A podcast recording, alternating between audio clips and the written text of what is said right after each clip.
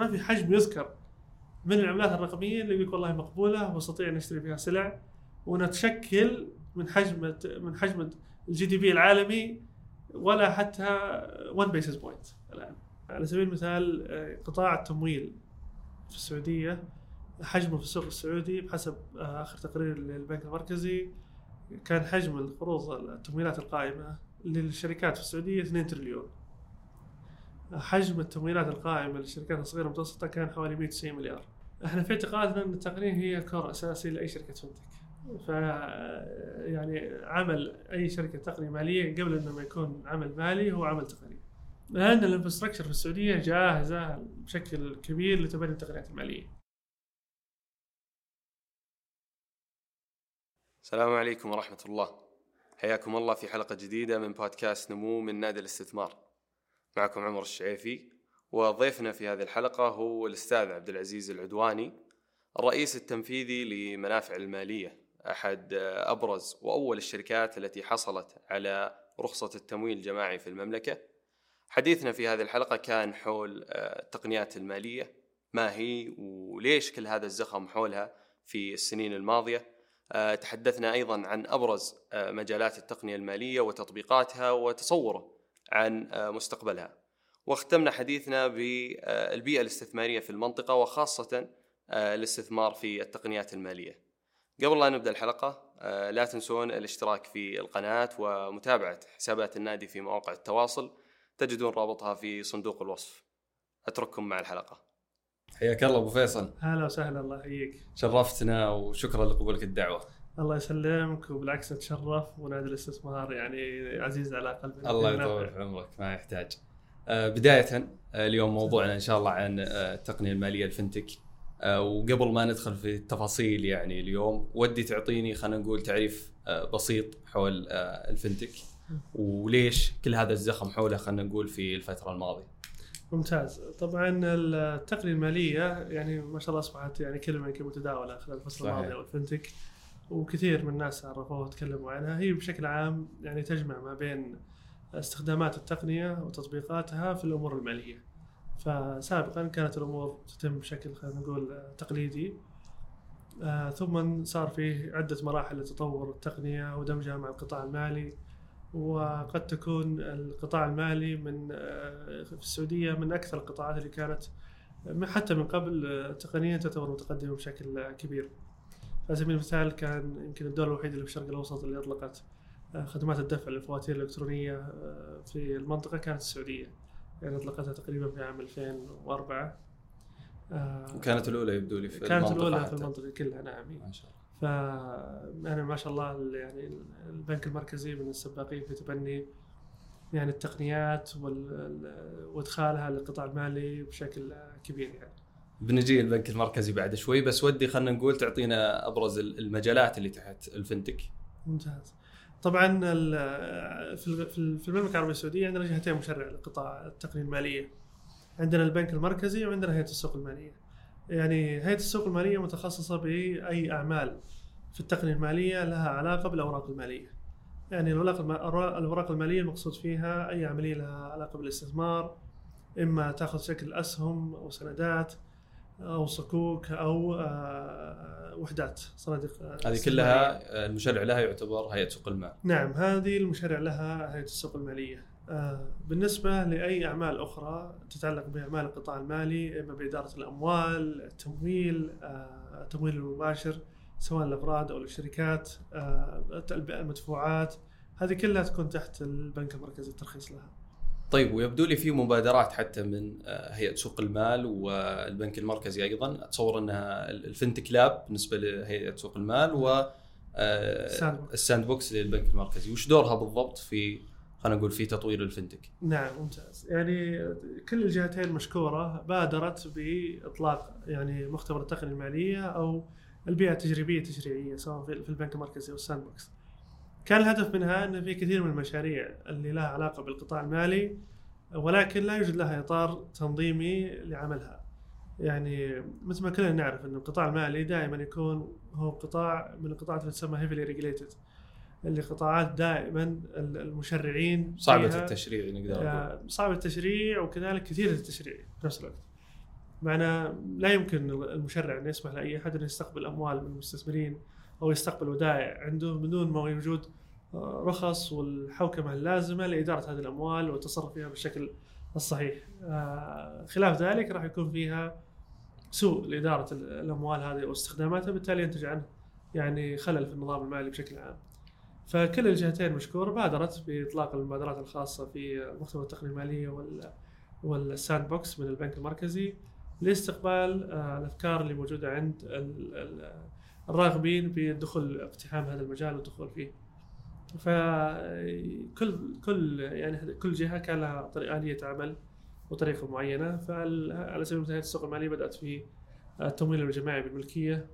كانت أول الرخص فيها في عام 2018 ثم بعد كذا توالت التراخيص من هيئة السوق المالية على أشكال آه، أشكال أخرى من التقنيه المالية مثل آه، تمويل آه، أدوات الدين اللي هو الصكوك. أو ال bond السندات وكذلك مع تقنيات التوزيع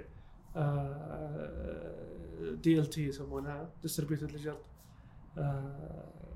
وكذلك بدأ مؤخرا سمعنا مثلا عن لائحة صدرت آه، من البنك من هيئة السوق المالية متعلقة بالسماح للاسواق الثانوية ما يسمى.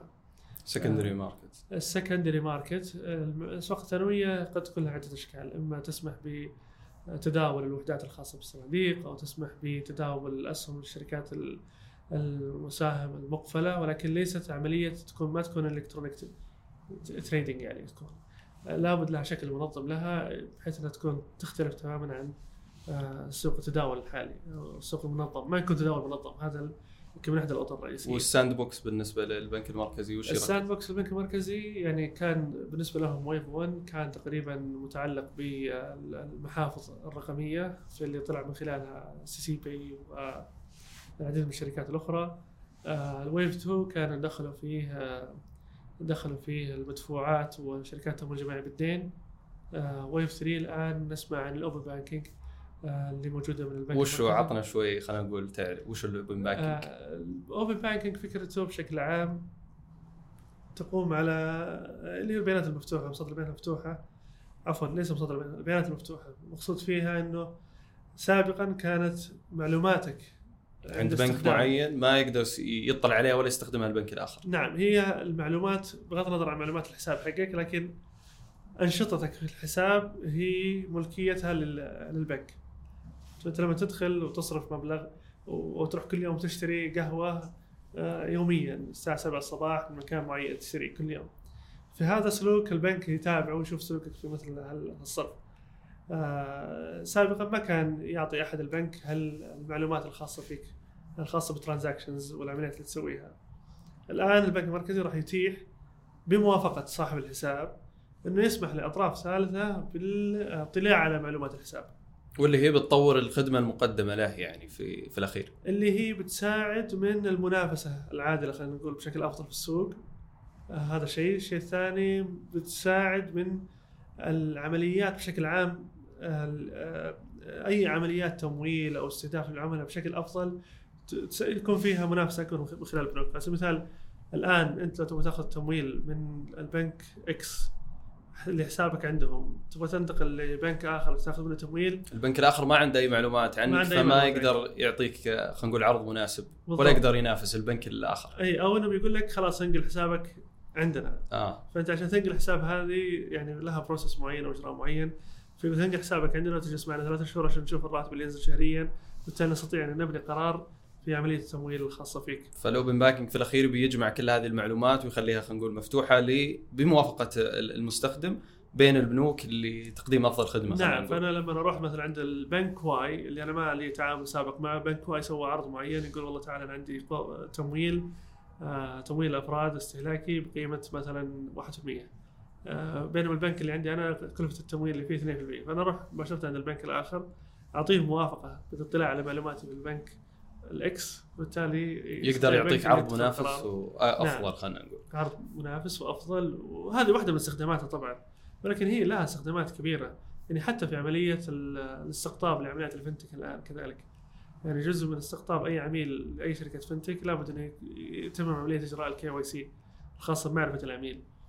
فوجود ال open banking راح يساعدني في معرفة هل العميل هذا يصنف إنه عميل مؤهل ولا عميل تجزئة وعميل retail. آه، بحسب تعريفات آه، هيئه السوق المالية وحتى تعريفات البنك المركزي من ناحية إنه مشارك مؤهل أو مشارك فرد يعني في عمليات الاستثمار والأمور الأخرى المتعلقة فيه. فاليوم ال open banking يعني احد أحد أدوات خلينا نقول أو أحد يعني تطبيقات ال fintech بس في أمثلة أخرى كيف اليوم ال fintech فعلا بيأثر خلينا نقول على النظام المالي عندنا. آه سؤال جيد آه يعني التأثير هو ظاهر من آه من أول ما بدأ خلينا نقول تراخيص لل sandbox. آه على سبيل المثال آه قطاع التمويل في السعودية حجمه في السوق السعودي بحسب آه آخر تقرير للبنك المركزي كان حجم القروض التمويلات القائمة للشركات في السعودية 2 تريليون. حجم التمويلات القائمة للشركات الصغيرة والمتوسطه كان حوالي 190 مليار. فلما تقارن 190 مليار من ال 2 تريليون فتتكلم عن أقل من 10% تقريبا 9 وشوي 9 سمثينج فهذا معناته إنه يعني في تركز أكبر عند القطاع المالي التقليدي لتمويل المنشآت الكبيرة. آه، بينما المنشآت الصغيرة والمتوسطه يعني تحظى بنسبة قليلة من التمويل بالرغم إنها تشارك بحوالي ب 22% من الناتج المحلي الإجمالي. بس ما هي قاعد تأخذ نفس النسبة من ما هي التمويل. نفس النسبة من, من ومن هنا اتصور جت حتى خلينا نقول تقنيات التمويل الجماعي اليوم. نعم. فعلى سبيل المثال المنافع قدمت خدمات التمويل الجماعي بالدين في نهاية منتصف 2020 نهاية 2020 2021 يعني حجم التمويلات العقود التمويلية الممنوحة اللي من خلال منصات منافع بلغت 450 مليون ريال ما شاء الله. اللي قدمت خلال أول سنة من عملها. آه نعتقد إن شاء الله أنه بيكون في نمو أكبر خلال 2022 2023 والسنوات القادمة إن شاء الله. اللي تساهم في دعم الاس في السعودية. إن شاء الله إن شاء الله أكيد. طيب آه أنت قبل شوي قلت لي البنوك التقليدية خلينا نقول آه وهذا مدخل حقيقة لليوم آه خلينا نقول اليوم قاعد في بنوك اليوم أعطيت تصريح لأنها تكون بنوك رقمية. أول شيء ودي يعني تعطيني الفرق بين البنك الرقمي خلينا نقول البنك التقليدي خاصة البنوك التقليدية اليوم يعني عندها تطبيقاتها وتقدر تستخدم خلينا نقول بعض التقنيات يعني بس وش الفرق الجوهري خلينا نقول بين البنوك التقليدية والبنوك آه الرقمية؟ أنا أعتقد إنه ال ال يعني خلينا نقول الاختلاف ما بين البنوك الرقمية والبنوك التقليدية متضاءل جدا في السعودية. يعني عجيب. نعم يعني ال sandbox على سبيل المثال في بريطانيا بعد من 2006 وفي في بنوك رقمية كثيرة ظهرت في بريطانيا على سبيل المثال فولدت نجاح كبير. بينما ما شاء الله يعني الجهات الحكومية في السعودية مثل البنك المركزي كان متبني التقنيات من فترات متقدمة. فبالتالي يعني كثير من التقنيات المالية اللي نسمعها في الخارج هي already موجودة عندنا في بنوك وبالتالي ما نشعر إنها تقنية مالية أصلا. بينما في مثل ما ذكرت في شركات خارج السعودية وتسمى شركات تقنية مالية ويتقدم خدمة سداد الفواتير بشكل ديجيتال فقط، بينما أنت ما حسبت حسابها في يوم من الأيام إنه ممكن تكون فنتك اللي هي عبارة عن خدمة سداد المقدمه من من شركة المدفوعات السعودية سداد ولا؟ سداد نعم الآن البنوك الحقيقة في السعودية متطورة بشكل كبير جدا يعني في السوق السعودي فأعتقد المنافسه ما راح تكون بسيطة ما بين البنوك والبنوك والبنوك الرقمية. الفرق الأساسي اللي بينهم انه البنوك التقليدية في طريقة تصميمها لإجراءات العمل كانت تعتمد بشكل أساسي على وجود علاقة شخصية بين الموظف الفرع والبنك. وبالتالي كانت كل الإجراءات مصممة عند البنك إنه لأي تعامل مع عميل البنك يجب أن يتضمنه شخص موجود في الفرع يصادق على هالتعامل. فبالتالي مثلا لو تبغى تفتح حساب إضافي تروح للفرع وتاخذ توقع application application معين نموذج معين وتطلب فتح حساب إضافي. تبغى تاخذ تمويل انت تروح للبنك وتعبي ورق وتقدمه ويصادق على شخصيتك. موظف الفرع اللي لما يطلب هويتك ويحطها قدامه هذا جزء من ال procedures المتطلب عليه. قديم هذا بدون ما لحقنا عليه في السنين الماضية. نعم فالآن لو تروح الفرع تبغى تسحب كاش كذلك يقول لك اعطني هويتك تلقاه يحطها قدامك. يحطها قدامك وهذا جزء من ال procedures اللي موجوده عند كل البنوك. فكانت جميع إجراءات البنك مصممة على وجود موظف في الوسط إنه يصادق ما بين الطلب من العميل والإدارة الرئيسية في البنك حتى تنفذ العملية.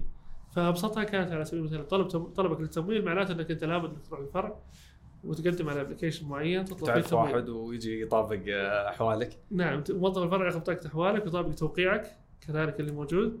صادق على توقيعك انه توقيع صحيح ويختم عليه ويرسله لإدارة البنك، إدارة البنك تراجع الطلب واليوم الثاني تروح تجيك الموافقة أو اليوم الثاني طبعا اليوم الثاني كانوا سريعين جدا لكن آه، خلينا نقول بعد آه، عدد من الأيام يجيك اتصال والله ترى تمت الموافقه على طلبك التمويل تعال الفرع مرة أخرى حتى تصادق على العقود اللي بينه وبينك وتصادق على عملية المرابحة اللي راح نتمها معك. لكن الحين بعد خلينا نقول تحول إلى البنوك الرقمية خلينا نقول ممتاز بعد تحول البنوك الرقمية البنك الرقمي في تصميم اجراءاته للعمل كلها لا ما يتواصل معك ابدا عارف؟ فإذا كان البنك التقليدي يحتاج للعلاقة مع عملائه إلى 5000 موظف فالبنك الرقمي بيحتاج 500 موظف وال 500 موظف هذول راح يكونون 400 موظف في ال IT و100 موظف في ال Engineering مثلاً. يعني لا في ال marketing وفي وفي ال sales وفي ال treasury وفي ال- الأمور الأخرى الثانية فهو غالبا ال- البنوك الرقمية تشتغل ال- ال- اللي very efficient منهم يشتغلون بنسبة لا تتجاوز عن 10 إلى 15% من عدد موظفين البنوك التقليدية. وهذا يقلل عندهم حتى تكلفة استحواذ على العملاء نعم صحيح يقلل تكلفة استحواذ العملاء يقلل كذلك تكلفة تكلفة العميل نفسه بالضبط. معنى أنا في الطريقة التقليدية لما وكلنا نعرف على سبيل المثال القطاع المالي هو يعني من القطاعات اللي تعتبرها ضئيلة هامش الربح. يعني هامش العملية هامش الإيراد من العملية يعتبر ضعيف جدا فأنا لما لكن عشان الحجم يكون نعم. آه، الإيراد في الأخير أكبر بالضبط فأنا آه، لكن آه، بالتالي يترتب عليه لابد إن كل العمليات اللي عندي تكون دقيقة ومحسوبة تكاليفها بشكل بشكل صحيح.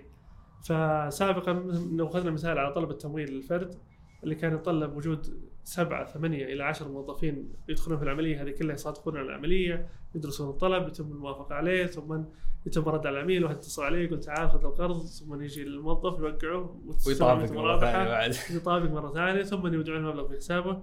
كل هذه العملية تتطلب يظل تقريبا 10 أشخاص. بينما في البنوك الرقمية هي عبارة عن يعني تعامل كله يكون بشكل digital حتى قد ما يطلب دخول شخص اللي يوافق حتى على طلبك التمويل. راح يكون في already يعني شيء مبني داخل آه، البنك الرقمي بناء على ال eligibility engine أو يعني ال eligibility engine المقصود فيها آه، معدل القبول للشخص. هل هو من ضمن ال- الفئات المقبولة أو لا؟ فيكون في مصمم scenarios معينة داخل ال- ال- الـ digital خوارزميات هذه خوارزميات إنه والله إذا جانا الأخ عمر آه، راتبه 20000 آه، ما عنده قروض سابقة. يحصل آه، على ما عنده تعثرات ما عنده أي شيء سابقة. خلاص ياخذ تمويل مباشرة عنده موافقة بقيمة آه، 18 ضعف الراتب اللي بدون. ال process القديم اللي كان يصير في القديم اللي آه، يتطلب دخول آه، شخص. فبالتالي تصير وان كليك تجيك الموافقة المبلغ في حسابك انتهى. وتتعامل مع التحصيل و- ثم بعدين يجي بعدها سداد والامور الاخرى المتعلقه آه، بالتمويل. طيب والبنوك خلينا نقول التقليدية الآن يعني هل تشوف إنها آه، بتكمل على تطبيقاتها الموجودة ولا بتنشئ خلينا نقول منصات جديدة يعني قاعد نشوف أحد البنوك يعني اليوم في المملكة قاعد يسوي منصات جديدة على أساس إنها تكون هي خلينا نقول آه، البنك الرقمي حقه أو طبعا أو ممكن نشوف حتى استحواذات على آه، يعني بنوك رقمية ناشئة يعني. طبعا أعتقد إنك بنشوف كل السيناريوز هذه في السعودية. يعني يعني السوق الاستثماري في السعودية بشكل عام قاعد يتغير بشكل كبير. سابقا ممكن الثقافة ثقافة الاستحواذ أو الاندماج ما كانت موجودة بشكل كبير في السوق السعودي. نشاهد تغيرات في الفترة الأخيرة يعني في آه، بالمناسبة حتى ال- البنك ال- ال- أحد البنوك اللي نشيطة جدا في العملية التقنية استحوذوا على شركة تقنية أخرى يعني عندها أكثر من ألف موظف. يعني كشركة كموظف آي تي حتى يساعدونهم في مشاريعهم الضخمة اللي يرغبون في. الدخول فيها. فبالعكس راح تشوف الاستحواذات راح تشوف الاندماجات كلها وكذلك البنوك راح تتغير وتتطور. آه، في الأخير آه، يعني الأصل إن البنوك عندها ملاءة مالية هائلة هائلة وكبيرة وكلهم يتحركون بشكل يعني كبير للحق بالركب خلينا نقول. وعلى يعني اللحق بالركب يعني هل التشريعات اليوم تلقى تشوفها مواكبة يعني لهذا التطور؟ والله أنا أعتقد إنه التغير حجم التغير الهائل في التشريعات اللي يصير خلال الفترة هذه الحالية وبحكم تجربتك أيضا أنت في 2018 آه، في حصول على التصريح تصريح. أيام منافع نعم. فتصور في فرق يعني ودي تعطينا أكثر عنه. نعم أنا أعتقد حجم التغير الهائل في التشريعات اللي قاعد تصير في السعودية ما أعتقد إنه مر على تاريخ السعودية من قبل.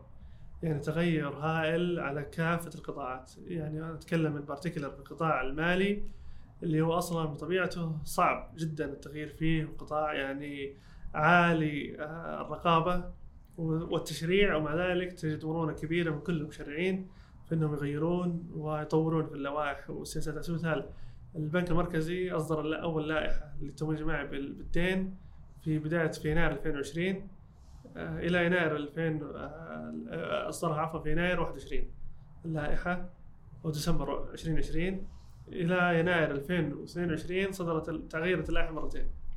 يعني في سنة تقريبا شهرين تغيرت مرتين. تغيرت تطورت مرتين خلينا نقول. ما نقول انها تغيرت نقول تطورت مرتين. وتطور إيجابي كان يعني يلمس التحديات اللي كانت موجودة عندنا. يعالج التحديات اللي كانت موجودة في اللائحة آه، السابقة. فكان يعني تغير يعني بشكل كبير مرة يعني وتصور وتصور حتى على الصعيد العالمي يعني اللي يسمونها الريكتك أو آه، يعني التشريعات للتقنيات المالية الموضوع صعب جدا يعني ولا زال في بدايته على ما قالوا. إيه، لا شك طبعا إنه يعني الريكتك هي متطلب لأي شركة مالية إنها تكون جزء من عملياتها إنها الكومبلاينس إنه يكون مطابق لمتطلبات المشرع والبنك المركزي. دامنا يعني ذكرنا خلينا نقول تجربتك وملاحظتك للتطور ودي تحدثنا شوي عن منافع. آه، بحكم اليوم أنت الرئيس التنفيذي لمنافع. آه، طبعا منافع بدأت 2018 في شهر 6 آه، 2018 أخذنا الترخيص من من هيئة السوق المالية أو التصريح اللي هي اختبار تقنية التمويل الجماعي بالملكية. وأطلقنا أعمال تجاريه في يناير 2019 في آه، شهر 4 2020 حصلنا على رخصة التمويل الجماعي بالدين من البنك أو تصريح البنك التمويل الجماعي بالدين من البنك المركزي. آه، وأطلقنا أعمالنا في شهر 7 2020 2000 و نهاية 2020 حصلنا على رخصة أو تصريح السوق المالية اللي أعمال آه، أدوات الدين اللي هي شركة صكوك المالية. آه. وهذه تعتبر شركة مستقلة ولا أحد منتجات منافع؟ هي شركة مستقلة آه شركة الصكوك الماليه آه لتقديم خدمات أدوات الدين وطرح أدوات الدين والاستثمار فيها. وأطلقنا اعمالنا التجارية في شهر 4 شهر 5 2021 ما شاء الله. فهذا يعني كان تطور التغيرات اللي مرت على منافع. ما شاء الله. وعندي سؤال حقيقة مهم حتى ممكن ناخذ zoom out على القطاع كله. آه، خلينا نقول آه، التقنيه عندكم أنتم بانينها يعني في in-house يسمونها بانينها في منافع أو كانت outsource خليتوا شركة خارجية اللي تسويها؟ إحنا في اعتقادنا أن التقنية هي core أساسي لأي شركة fintech. ف يعني عمل أي شركة تقنية مالية قبل إنه ما يكون عمل مالي هو عمل تقني. فاحنا متبنين التقنية بشكل كامل آه، في منافع فكل شيء في منافع بني ان هاوس كله داخليا يعني. وهذا تصور يميزكم حتى لو بعدين في أحد يبي ينافس. آه، خلينا نقول من البنوك الكبار في هذا الموضوع. آه، تصور حتى الآن أغلبهم التك عندهم outsource ما هو ما هو بداخلي. صحيح ولا؟ يعني أعتقد أنهم البنوك مكملين لنا في الأخير. يعني ما ودك آه، تقول شيء عنها لا لأنه في الأخير لا حقيقة هو في الأخير يكون في تعاون بين البنوك وشركات التقنية المالية. في البنوك هم يكملون لنا. يعني مهما كان البنك يعني في الأخير يعني حتى أنشط البنوك اللي نشوفهم مثلا الفترة الأخيرة واميزهم ما شاء الله البنك الراجحي. يعني في الأخير كلنا راح نكمل بعض. يعني في الأخير البنك آه، يعني يظل يعني محكوم إنه يعمل وفق قواعد معينة وأنظمة معينة. ما تسمح له مثلا بمرونة في مستوى معين في عمليات مثلا خلينا نقول التمويل اللي هو الجزء الأساسي للبنوك اللي هو عمليات التمويل. فالبنوك بحسب معايير بازل لابد إنه ما يكون عندها انكشاف كبير على مثلا شركات الإس إم المتوسطه والصغيره الصغيره والمتوسطه وهذا هو جزء core business حقنا إحنا في خلينا نقول منافع وتمويل الشركات الصغيره والمتوسطه وأتوقع حتى أغلب شركات التمويل الجماعي تركز أكثر على السميز أكثر من الشركات الكبيرة. صحيح باعتبار ان الشركات الكبيرة مخدومة طبعا. هذا ما يعني إنك ما ما إحنا ما, ما نخدم الشركات الكبيرة لا بالعكس إحنا تقريبا عندنا الآن في منافع حوالي 30% من التمويلات اللي نقدمها للشركات الكبيرة اللي حسب تصنيف المنشآت. إحنا 30% من عملائنا هم الشركات الكبيرة. ولكن الشركات الكبيرة راح يجونك يأخذون تمويل من عندك ولكن طبيعة احتياجاتهم تختلف عن الاس هو يعني لما يتقدم المنافع لغرض طلب التمويل هو له احتياج مختلف تماما آه، عن احتياج الاس اللي يتقدم صحيح. لمنافع. في الأخير البنوك ستظل يعني عامل أساسي ومكمل لنا ولا بد من الشراكات. يعني في الأخير ومتأكد راح تسمع خلال الأيام القادمة عن شراكات راح تكون ما بين البنوك وشركات ال fintech يعني الفنتك من مستبدل البنوك التقليدية؟ لا ما. ما استبدلتها حتى في أكثر الدول تقدما ما استبدلت البنوك التقليديه في الاخير يظل مثل ما ذكرت لك البنوك يعني التقليديه وجودها هو يعني حتى يعني داعم ورافد كبير للاقتصاد لاقتصاد الوطن ما يمكنك تستبدلها بأي شكل من الأشكال. وكثير منها ما, ما شاء الله يعني قاعد زي ما ذكرت بنك الراجحي قاعد يواكب التقدم خلينا نقول في تطور التقنيات المالية صحيح صحيح يعني البنك الراجحي متقدم بشكل كبير جدا خاصة في التقنيات المالية المتعلقة باستخدام الأفراد. دامنا على طاري التقنية حد أبرز يعني خلينا نقول التقنيات اليوم اللي قاعد تستخدم لتطوير آه، التقنيات المالية اللي هو البلوك تشين خلينا نقول صحيح. ومنها شوي على آه، العملات الرقمية بداية يعني ودي تعطيني خلينا نقول آه، وش رأيك عن العملات الرقمية؟ وهل اليوم في السعودية مسموحة؟ آه، التشريعات حولها ليش إلى الآن؟ خلينا نقول ما في تشريعات واضحة حولها. ولا في أيضا حتى آه، خلينا نقول شركات مصرحة للتداول بالعملات الرقمية. طبعا يعني ما أستطيع أن أتكلم بالنيابة عن المشرع ولكن أعتقد إنه يعني العملات الرقمية لا زالت في طور الاستكشاف خلينا نقول على مستوى العالم بشكل كلي. يعني حتى لا زالت في السوق الأمريكي غير مشرعة في أغلب الصين أوقفتها بشكل كبير خلال الفترة الماضية فهي لا زالت مرحلة استكشاف وأعتقد إنها يعني مرحلة الاستكشاف هذه وال المعارضة لها والقبول لها هو لو رجعت لتاريخ البشرية كلها يعني في تعاملهم بالعملات ابتداء كانت المقايضة تصير بين الناس بالسلع. فتعطيني الشعير وأنا أعطيك خروف. تبادل المنافع. سلع. فأو تعطيني أنا أعطيك خروف وأنت تعطيني آه، موز. آه، موز. طبعا اجدادنا ما كان عندهم موز لكن بعير ولا حليب نياق ولا شيء. الجد من الموجود الجود الموجود فكانت هي عبارة هذه تبادل السلع. لما ظهر بعدها الذهب والفضة وسكت هذه المعادن يعني من آلاف السنين يعني أخذت وقت حتى إن الواحد يتقبل آه، تبادل السلع بالذهب والفضة. صح. بعد الذهب والفضة لما بدأت تظهر العملات ال- الورقية أخذت وقت طويل حتى الناس يتقبلون إنه يترك الذهب والفضة في تداولاته وتعاملاته مع الناس ويستبدلها بالقطن. يعني الآن لو فكرت في العملة اللي بيدنا الآن هي قطن. مجرد ورقة قطن يعني ما فيها شيء. فأخذت فترة طويلة كان في ناس يعني معارضين لها وناس متقبلين لها. إنه والله هذه أنا قاعد أعطيك قطعة من الورق أو القطن وتعطيني مقابلها سلعة ثمينة تعطيني مقابلها ذهب اللي كان هو السلعة ابتداء. آه لو لاحظت كذلك بعدها لما صار في تغيير من ناحية تقليل استخدام الكاش. صح. أصبحت الناس تحاول انها تستخدم ال electronic money. أنا أنا أروح للفرع وأدفع بطاقة الصراف. وهذا ما عندي استقبال كاش ترى يعني لا شك إن طبعا المدفوعات الرقمية متقدمة بشكل كبير في السعودية من فترة لكن ال turning point حقتنا ترى كانت في 2014 2015 يعني قبل كورونا حتى. قبل كورونا طبعا. يعني الكثير يتوقع أن التحول في السعودية هو هو المدفوعات هو هو ال- يعني دخول في مرحلة موت الكاش في في كورونا صحيح لكن التحول الكبير بدأ من 2014 2015 بعد ما يعني أعطى البنك المركزي حوافز للبنوك إنها توزع خلينا نقول ال- ال- الاجهزه الصراف وتقلل من استخدام اول هي. نقاط البيع هذه. نقاط البيع هذه نعم. بس خلينا نرجع شوي للبلوك تشين يعني يعني اللي فهمته من كلامك اليوم تقول ممكن مستقبلا نشوف يعني خلينا نقول كر- ال cryptocurrency العملات الرقمية تتداول؟ ولا آه، أنا ولا إلى الآن الموضوع مغالط أنا جايك في السرد التاريخي. ذا على أساس اوصل. لتقبل الناس.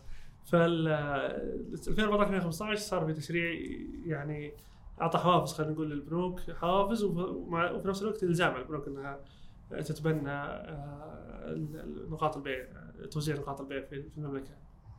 فصار في انتشار هائل وكبير لنقاط البيع لدرجة إن بعض المحلات التجارية يقول أنا ما نقاط البيع بفلوس كاش تعطيني هذه يمكن يصير في مشكلة يمكن يصير في الحين. قاعد يصير العكس حتى بعض الاحيان اي الآن بعد ما جاء كورونا طبعا يعني صار الواحد فعلا ما عاد يحتاج يستخدم أي كاش ولا يدري متى آخر مرة راح الصراف فالآن أصبح لو تلاحظ آه، الإعلانات اللي تصير من البنوك الربعية بشكل عام تلقاهم يحرصون على إنهم يعلنون نتائجهم المالية ويعلنون عن تخفيضهم من عدد الفروع وتخفيضهم عدد الصرافات. طبعا هذا عكس ما كان قبل 15 سنة. كانوا يتباهون بعدد الفروع عدد نعم. الصرافات. كل بنك عشان يبين حجم النمو اللي راح يتوقعه اللي ينعكس عليه خلال الفترة القادمة تلقاه يقول والله افتتحنا خلال الفرع الماضي خمسة فروع ستة فروع إضافية. وحسب خطتنا لهذا العام إنه نفتتح 30 فرع إضافي. بالتالي يعني المستثمرين البنك مقبل على نمو كبير. واليوم اليوم الآن- قاعدين يسوون العكس. الآن يسوون العكس لأن المستثمرين يقول كل ما زاد خفض عدد الفروع أكثر قلت كل ما قلت التكاليف بتزيد ربحية البنك. هذا الانعكاس اللي صار الان حاليا عودا على ال- البلوك تشين أو العملات الرقمية.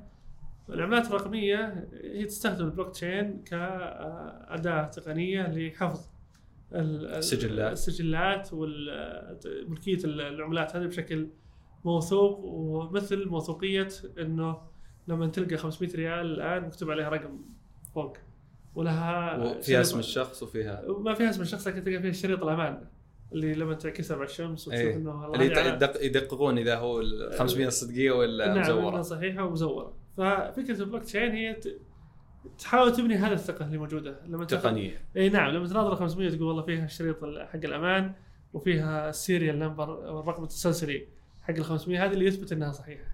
البلوك تشين نفسها تحاول تبني هذه الثقة بحيث إنها توفر خصائص الأمان للعملات للعملات بشكل رقمي بحيث إنها أي شخص يشتري هذه العملات يعرف إنها عملة موثوقة وإنها عملة صحيحة. ويحكمهم أو يضبطهم ال- الإنترنت. ويضبطها طبعا ال- الإنترنت. أول- نعم. الآن بيجيك السؤال من الجهة الأخرى الثانية اللي هي طيب الآن صارت الآن الموثوقين والله فيها نقول شريط الأمان هذا موجود في في العملات الرقمية. آه اللي في العملات الورقية موجود في العملات الرقمية إنها خلاص موثوقة. يعني الآن حتى يكون لها قيمة حقيقية هذه العملة العملة تستمد قيمتها من من تداول قبول الناس الطرف الآخر لها. تداول الناس لها. فالآن من اللي قاعد يقبل العملات الرقمية؟ هذه كعملة أستطيع اني اقايض فيها سلعة.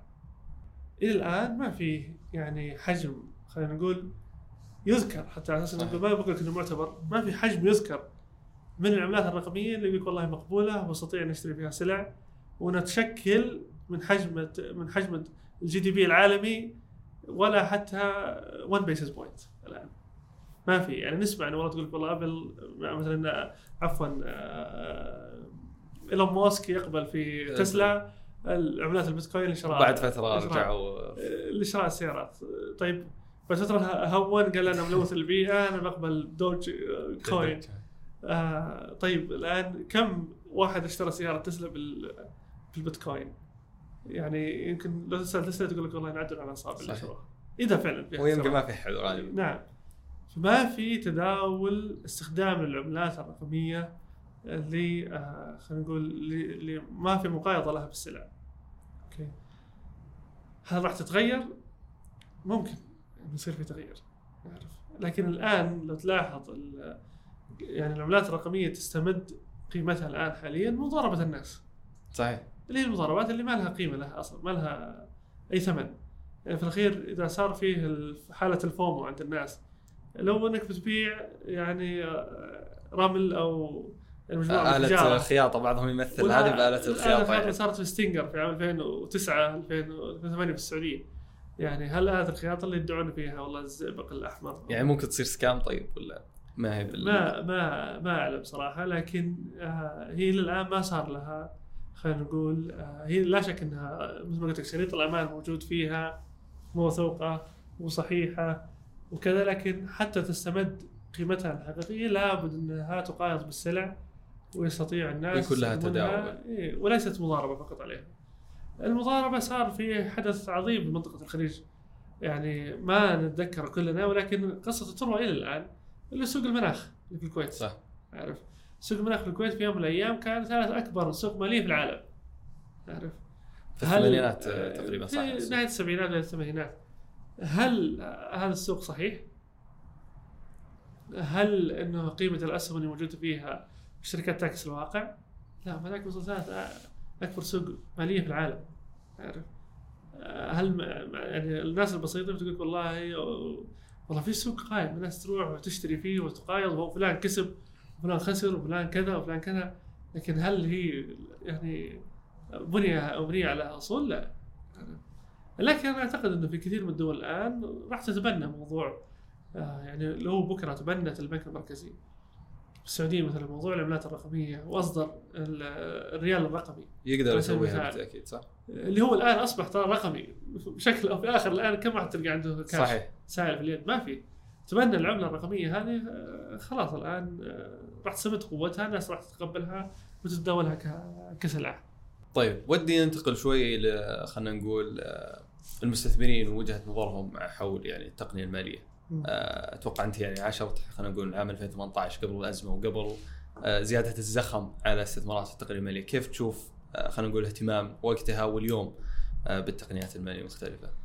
أنا أعتقد التغير في قطاع يعني الاستثمار الجريء في السعودية وعلى كل القطاع ليس فقط حتى على التقنية المالية. آه، يعني وله عدة أسباب. يعني طبعا أهم سبب لها طبعا التخارج اللي صار لشركة كريم. يعني خلى المستثمرين يركزون بشكل آه، نقول مباشر على جدوى الاستثمار في شركات ال- في شركات التقنية بشكل عام. فلو نشوف التقارير الأخيرة كلها اللي صدرت تتكلم عن نمو هائل في الاستثمار الجريء. وهذا كذلك كان له يعني سبب أساسي اللي كانت جزء من توجهات الدولة في آه، إنشاء الشركة السعوديه للاستثمار الجريء اللي قامت باستثمارات مبالغ من خلال الصناديق الاستثمارية ضخ مبالغ في الصناديق الاستثمارية أو بالبرنامج اللي اطلقوه الخاص بال co-matching ال co-matching المقصود فيها في حال وجود شركة عندها مستثمر آه، جريء يرغب في الدخول في الشركة كفرد. ال- آه، الشركة السعودية للاستثمار الجريء كذلك تماثل الاستثمار اللي دخل فيه الشخص. كملكية لها هي. فتقول للدعم يعني آه، لدعم ال- هو ما هو دعم ليس دعم هو استثمار. يعني فانت بتستثمر مليون ريال فالشركة السعودية الجريء تقول أنا بجي أحط مليون ريال كذلك استثمر معك مليون ريال. فيخلي الشركة تحصل على مليونين في الأخير كاستثمار. فأنا كمستثمر إذا الشركة تحتاج عشان تنفذ خطه النمو حقتها مليونين ريال لكن أنا ما عندي إلا مليون ريال فقط. فأنا باخذ مليون من الشركة السعودية الجريء ومليون من عندي وبالتالي صارت 2 مليون. راح تساهم في إنها استثماري في هذه الشركة راح يكون له مردود حسب الخطه المتوقعه لكن سابقا كانت الشركة تحتاج 2 مليون. تجي عندي تقول أنا أؤمن فيك يا أخي. لكن ما أقدر أعطيك إلا مليون ريال. ما عندي مليون ريال ثاني. روح دبر مستثمر آخر. يجيب المليون ريال هذه. يروح يبحث آه، صاحب الشركة ما يوصل لمستثمر آخر بالتالي يقول أنا ما أقدر أعطيك المليون. لأن اعطائي لك لهذا مليون بدون ما يكون اعطائك كامل المبلغ. اللي يساعدك في يعني. تنفيذ الخطة ما راح تنجح الشركة. بالتالي شكرا بخلي مليون عندي ما راح أقدر أعطيك اياه فالشركة السعودية للاستثمار الجريء قاعدة تغطي هذا النقص باستثمارات يعني ما هو بدعم. باستثمارات ليس دعم لا لا استثمارات مباشرة ملكية مباشره للشركه السعودية للاستثمار الجريء في الشركة هذا كان أحد الأشكال الخاصة. فيها الشكل الآخر إنها يعني استثمرت في الصناديق الاستثمار الجريء كذلك. فأي شركة تنشئ مثلا صندوق استثمار جريء بمبلغ 100 مليون ريال هم يساهمون إلى 60% من قيمة الاستثمار هذا. طبعا بعد دراسة فريق العمل والخبرات اللي موجودة عندهم وتاكدهم من توجهات الصندوق الاستثمارية. فكان هذا أحد البرامج الرئيسية اللي ساهمت في انفتاح خلينا نقول عمليات الاستثمار في السعودية. صحيح. وشفنا حتى يعني في عام 21 بحسب يعني تقارير الاستثمار الجريء أن الفنتك هي أكثر الشركات المستثمر فيها عددا يعني وتجاوزت حتى التجارة الإلكترونية عن العام اللي قبله. فيعني ليش برأيك آه، يعني هل في فعلا potential كبير في ال fintech؟ هو لا شك إنه في potential كبير في قطاع ال fintech وفي نضج نضج كبير في قطاع ال- الاستثمار ال- ال e-commerce على سبيل المثال التجاره الإلكترونية. فالتجاره الإلكترونية قطاع يعني يعني في كثير من القطاعات بدأ يصير فيها عمليات اللي يسمى consolidations يعني بدأت تظهر فيها شركات عملاقة. بالتالي يصبح من غير منطقي أو من غير المجدي إنك تدخل في هذا القطاع. شركه كشركة ناشئة يعني. إيه كشركة ناشئة كشخص يبغى يسوي شركة جديدة صعب إنك تدخل في هذا. المجال. على سبيل المثال التجاره الالكترونيه صار consolidation امازون استحوذت على سوق دوت كوم صحيح. وانشئت شركة نون دوت كوم برأس مال آه، من البداية كان حوالي آه، يتجاوز المليار دولار. صحيح. كان من البداية مشاركة ال PIF فما في جدوى إنك الحين تأسس شركة تنافس يعني هذول الكبار نعم. فبالتالي خلاص صار فيه يعني زي ما تقول زي ال consolidations في ال market يعني سوق دوت كوم و يعني امازون ونون فبالتالي يصبح قدرتك على اختراق السوق أصعب. في خلال الفترة هذه. هذا ما يعني إنه وجود بعض قصص النجاح مثلا زي الأخوان في نايس 1 وغيرهم من الشركات اللي ما شاء الله نجحوا في اختراق القطاع في segment معين. لكن, لكن أكيد حيصعب الموضوع بوجود يعني خلينا نقول هذه الشركات كبيرة. نعم راح يخلي جدوى الدخول يمكن في القطاع آه، أصعب. قطاع التقنيه المالية لا زال في بدايته. على أساس كذا قاعد يلاقي دعم وزخم كبير. أنا أعتقد كذلك السنة هذه كذلك راح يستمر يعني قطاع التقنيه المالية. من أكبر القطاعات اللي راح تحصل على تمويلات آه، آه، استثمارية كبيرة وبل إنه دخلت فيها حتى صناديق دولية. يعني مؤخرا SoftBank Sequoia. Sequoia دخلوا في مجموعة من الشركات التقنية المالية اللي في السعودية. بس وش أبرز خلينا نقول المجالات اللي تحت التقنية المالية اللي قاعد تستثمر فيها في ال fintech هل هي المدفوعات أو آه، ال pay ال payments؟ يعني ولا وش أكثر شيء قاعد يستثمر طبعا فيه؟ عالميا ال payments تشكل أكبر آه، قطاع يتم الاستثمار فيه. هذا بشكل عالمي ثم تشكل أشكال أخرى من القطاعات الأخرى الثانية. يعني ال lending طبعا هو من الإقراض. الإقراض بشكل عام يمكن ثاني أكبر قطاع في التقنية المالية. وغيرها من المجالات. راح تنفتح مجالات كثيرة مثل ما ذكرت لك. يعني إما لمجال على صعيد ال capital آه، أو حتى على صعيد شركات ال ال- يعني ال- المرخصة من البنك المركزي بأشكال مختلفة. يعني مثلا الآن في شكل جديد يعني بدأ يمارس أعماله اللي هو موضوع اجريجيتر لطلبات التمويل. فبدل ما تلف على كل بنك وتاخذ منه طلب تمويل تدخل تطبيق كأنك طالب يعني أكل وتطلب ال- بالضبط. يعني صار يجمع كل يعني تمويلات البنوك بالتالي تقدم عليها ويجيك أفضل عرض من أي بنك وتحصل على على التمويل. يمكن راح يطلق قريبا. الانشورنس يعني يجي تحت. ال... نعم. تحت الفنتك تحت الفنتك ولا لا؟ اللي نعم تحت كلها تحت الفنتك. يعني طبعا يفصلونها كانشورتك لكن بالخير يعني. كلها يعني كلها في قطاع يعني في خير قطاع التأمين هو له علاقة بالقطاع المالي بشكل كبير يعني. ف زي الاجريجيتر الخاصة بشركات التأمين سمعنا عن الصفقه الكبيره اللي صارت لهذه الشركات ال aggregator الخاصة بالتأمين. فراح يستمر فيها disruptions راح تظهر نماذج جديدة. خلال السنة هذه والسنة القادمة راح ت disrupt بعض النماذج القديمة الخاصة بال fintech وراح يستمر التغيير فيها يعني بشكل آه، سريع. آه، كل هذا التغير اللي قاعد نشوفه في ال landscape الخاص بالقطاع المالي قطاع الاستثمار الجريء في السعودية ألقى بظلاله على زاوية أخرى. ثانية يمكن أفضل الحالمين ما كان يتوقع حدوثها. اللي هي؟ اللي هي إنه بدينا نرى الآن الفترة الأخيرة إنه آه، يعني أصحاب خبرات كبيرة وأصحاب معالي. يعني يعني في يعني في سن يعني خلينا نقول أقل من 50 ومع ذلك بدأوا يعني بعد ما يتركون مناصبهم الحكومية ينتقلون إلى تأسيس شركه تأسيس شركات ناشئة. فهذا على مستوى جوده المؤسسين الخاصين بهذه الشركات يرفع مستوى التنافسية في القطاع يرفع من رغبة الصناديق الاستثمارية بالاستثمار معهم لأنه يمتلك المعرفة يمتلك يعني القدرة الجيدة في إن الشركة هذه راح تحقق نتائج فأكيد هذه لها. تأثيرات إيجابية جدا على الاقتصاد الدولي السعودي على الاقتصاد السعودي بشكل عام بالإضافة إلى إنه حتى على التغيرات اللي بتصير في القطاع نفسه سواء في القطاع التقنيه الماليه أو حتى القطاعات الأخرى.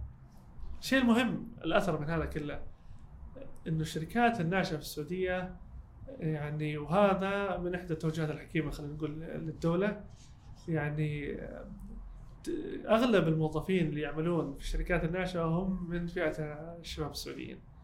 فتلقى شركة ناشئة وإن كان عندها 30 موظف أو 40 موظف تلقاهم يعني 38 سعوديين واثنين آه، غير سعوديين، بالتالي الشركات الناشئة فعلا هي المحرك الحقيقي الموظف الكبير الآن للشباب السعودي في السعودية- في المملكة. وأعتقد راح يفتح مجالات كبيرة لتوظيف الشباب خلال الفترة الجاية. إن شاء الله. وكيف تشوف خلينا نقول آه، المملكة آه، مقارنة آه، خلينا نقول بدول دول يعني الجي 20 خلينا نقول من ناحية تطور في التقنيات المالية؟ خلينا نقارن بالدول المحيطة. يمكن أفضل وأقرب لل- okay. للمقارنة. الحقيقة السعودية في مستوى مختلف تماما عن كل الدول في- دول الخليج بشكل عام.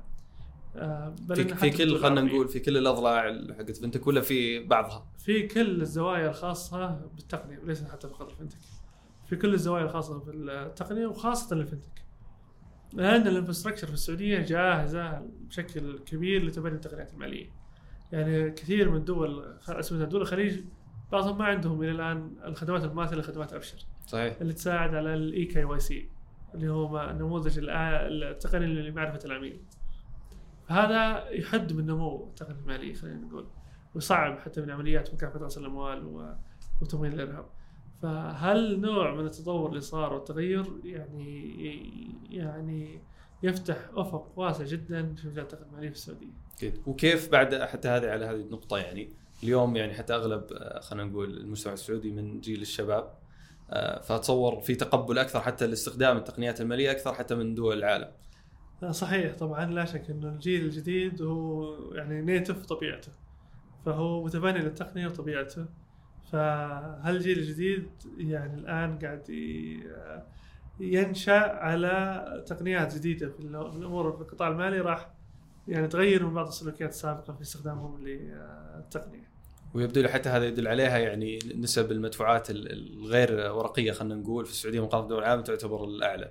صحيح يعني المدفوعات الرقمية في السعودية من أكثر الدول وقاعد المدفوعات الكاش قاعدة تقل بشكل أسرع مثل ما ذكرت لك خاصة بعد كوفيد لأن البنية كانت جاهزة وبالتالي كان سرعة انتشار المدفوعات التقنية تضاعفت بشكل أكبر بعد آه، كوفيد آه، يعني كورونا. صحيح. طيب السؤال اللي ودي نختم فيه آه ودي يعني تعطيني تصور في السنين القادمة عن مستقبل التقنية المالية في المملكة خلينا نقول وأبرز التقنيات اللي ممكن نشوفها يعني إن شاء الله قريب. آه طيب آه طبعا لا شك إنه آه، يعني التغير يعني بطبيعة البشر هي عبارة عن موجات معينة، هالموجات يظهر من وراها يعني شركات جديدة تساهم في تغيير خلينا نقول لاندسكيب في كل قطاع. فأنا أعتقد إنه كثير من شركات التقنيه الماليه الآن اللي موجودة راح تكون بعد فترة من الزمن هي الشركات خلينا نقول السائدة والمسيطرة في قطاعات محددة. يعني بعطيك على سبيل المثال أنا ما بضرب أي مثال بس منافع حتى لا لا حط منافع عادي. لكن على سبيل المثال يعني buy now pay later هالخدمه هي شبيهة خلينا نقول سابقا بخدمة Visa و Mastercard لما ظهرت قبل 40 سنة 50 سنة؟ فالآن كلنا مجبولين مفطورين على إن Visa و Mastercard هي الخاصة بعمليه الدفع الآجل وبال credit. آه، فكل واحد يعتقد إن هذه هي خلاص هي الشركة اللي ما فيها حد غيرها أصلا. ومن ما خلق الله الأرض وهي موجودة Visa و Mastercard بالتالي ال default ان الناس يستخدمونها. الآن آه، شركات ال buy now pay later كذلك راح تكون آه، يعني تظهر بشكل قد يستبدل ما أقول إنه يستبدل 100% لكن قد يستبدل بعض النماذج القديمة اللي موجودة خاصه بعملية الدفع. آه، عودا على مثال لو تقول لا أضرب منافع كذلك الشركات التمويل الجمعي بالدين على سبيل المثال العالمية يعني اللي وجدناها التجارب اللي سواء في أمريكا أو في بريطانيا انتهت المطاف فيهم آه، وكذلك في الصين آه، انتهى المطاف في بعض الشركات في أمريكا إنها في أحد الشركات استحوذت على واحدة من البنوك. شركات تقنيه استحوذت على البنك. اي شركات تمويل جماعي بالدين استحوذت على واحدة من البنوك وأصبحت تمول من البالانس شيت حقها. الخاص بالبنك. فممكن نشوف هذه إن شاء الله عندنا. آه في كذلك نشوف منافع إن شاء الله. آه إن شاء الله. في بريطانيا على سبيل المثال آه، أحد البنوك استحوذت على شركات تمويل جماعي بالدين وبالتالي آه، استحوذت عليها واشترت كل الديون القائمة وبالتالي أصبح البنك هو اللي يقرض باستخدام تقنية شركة التمويل الجماعي بالدين هذه. فمثل هالنماذج شفناها تغيرت وصار لها تطور لها إشكال ونماذج أخرى.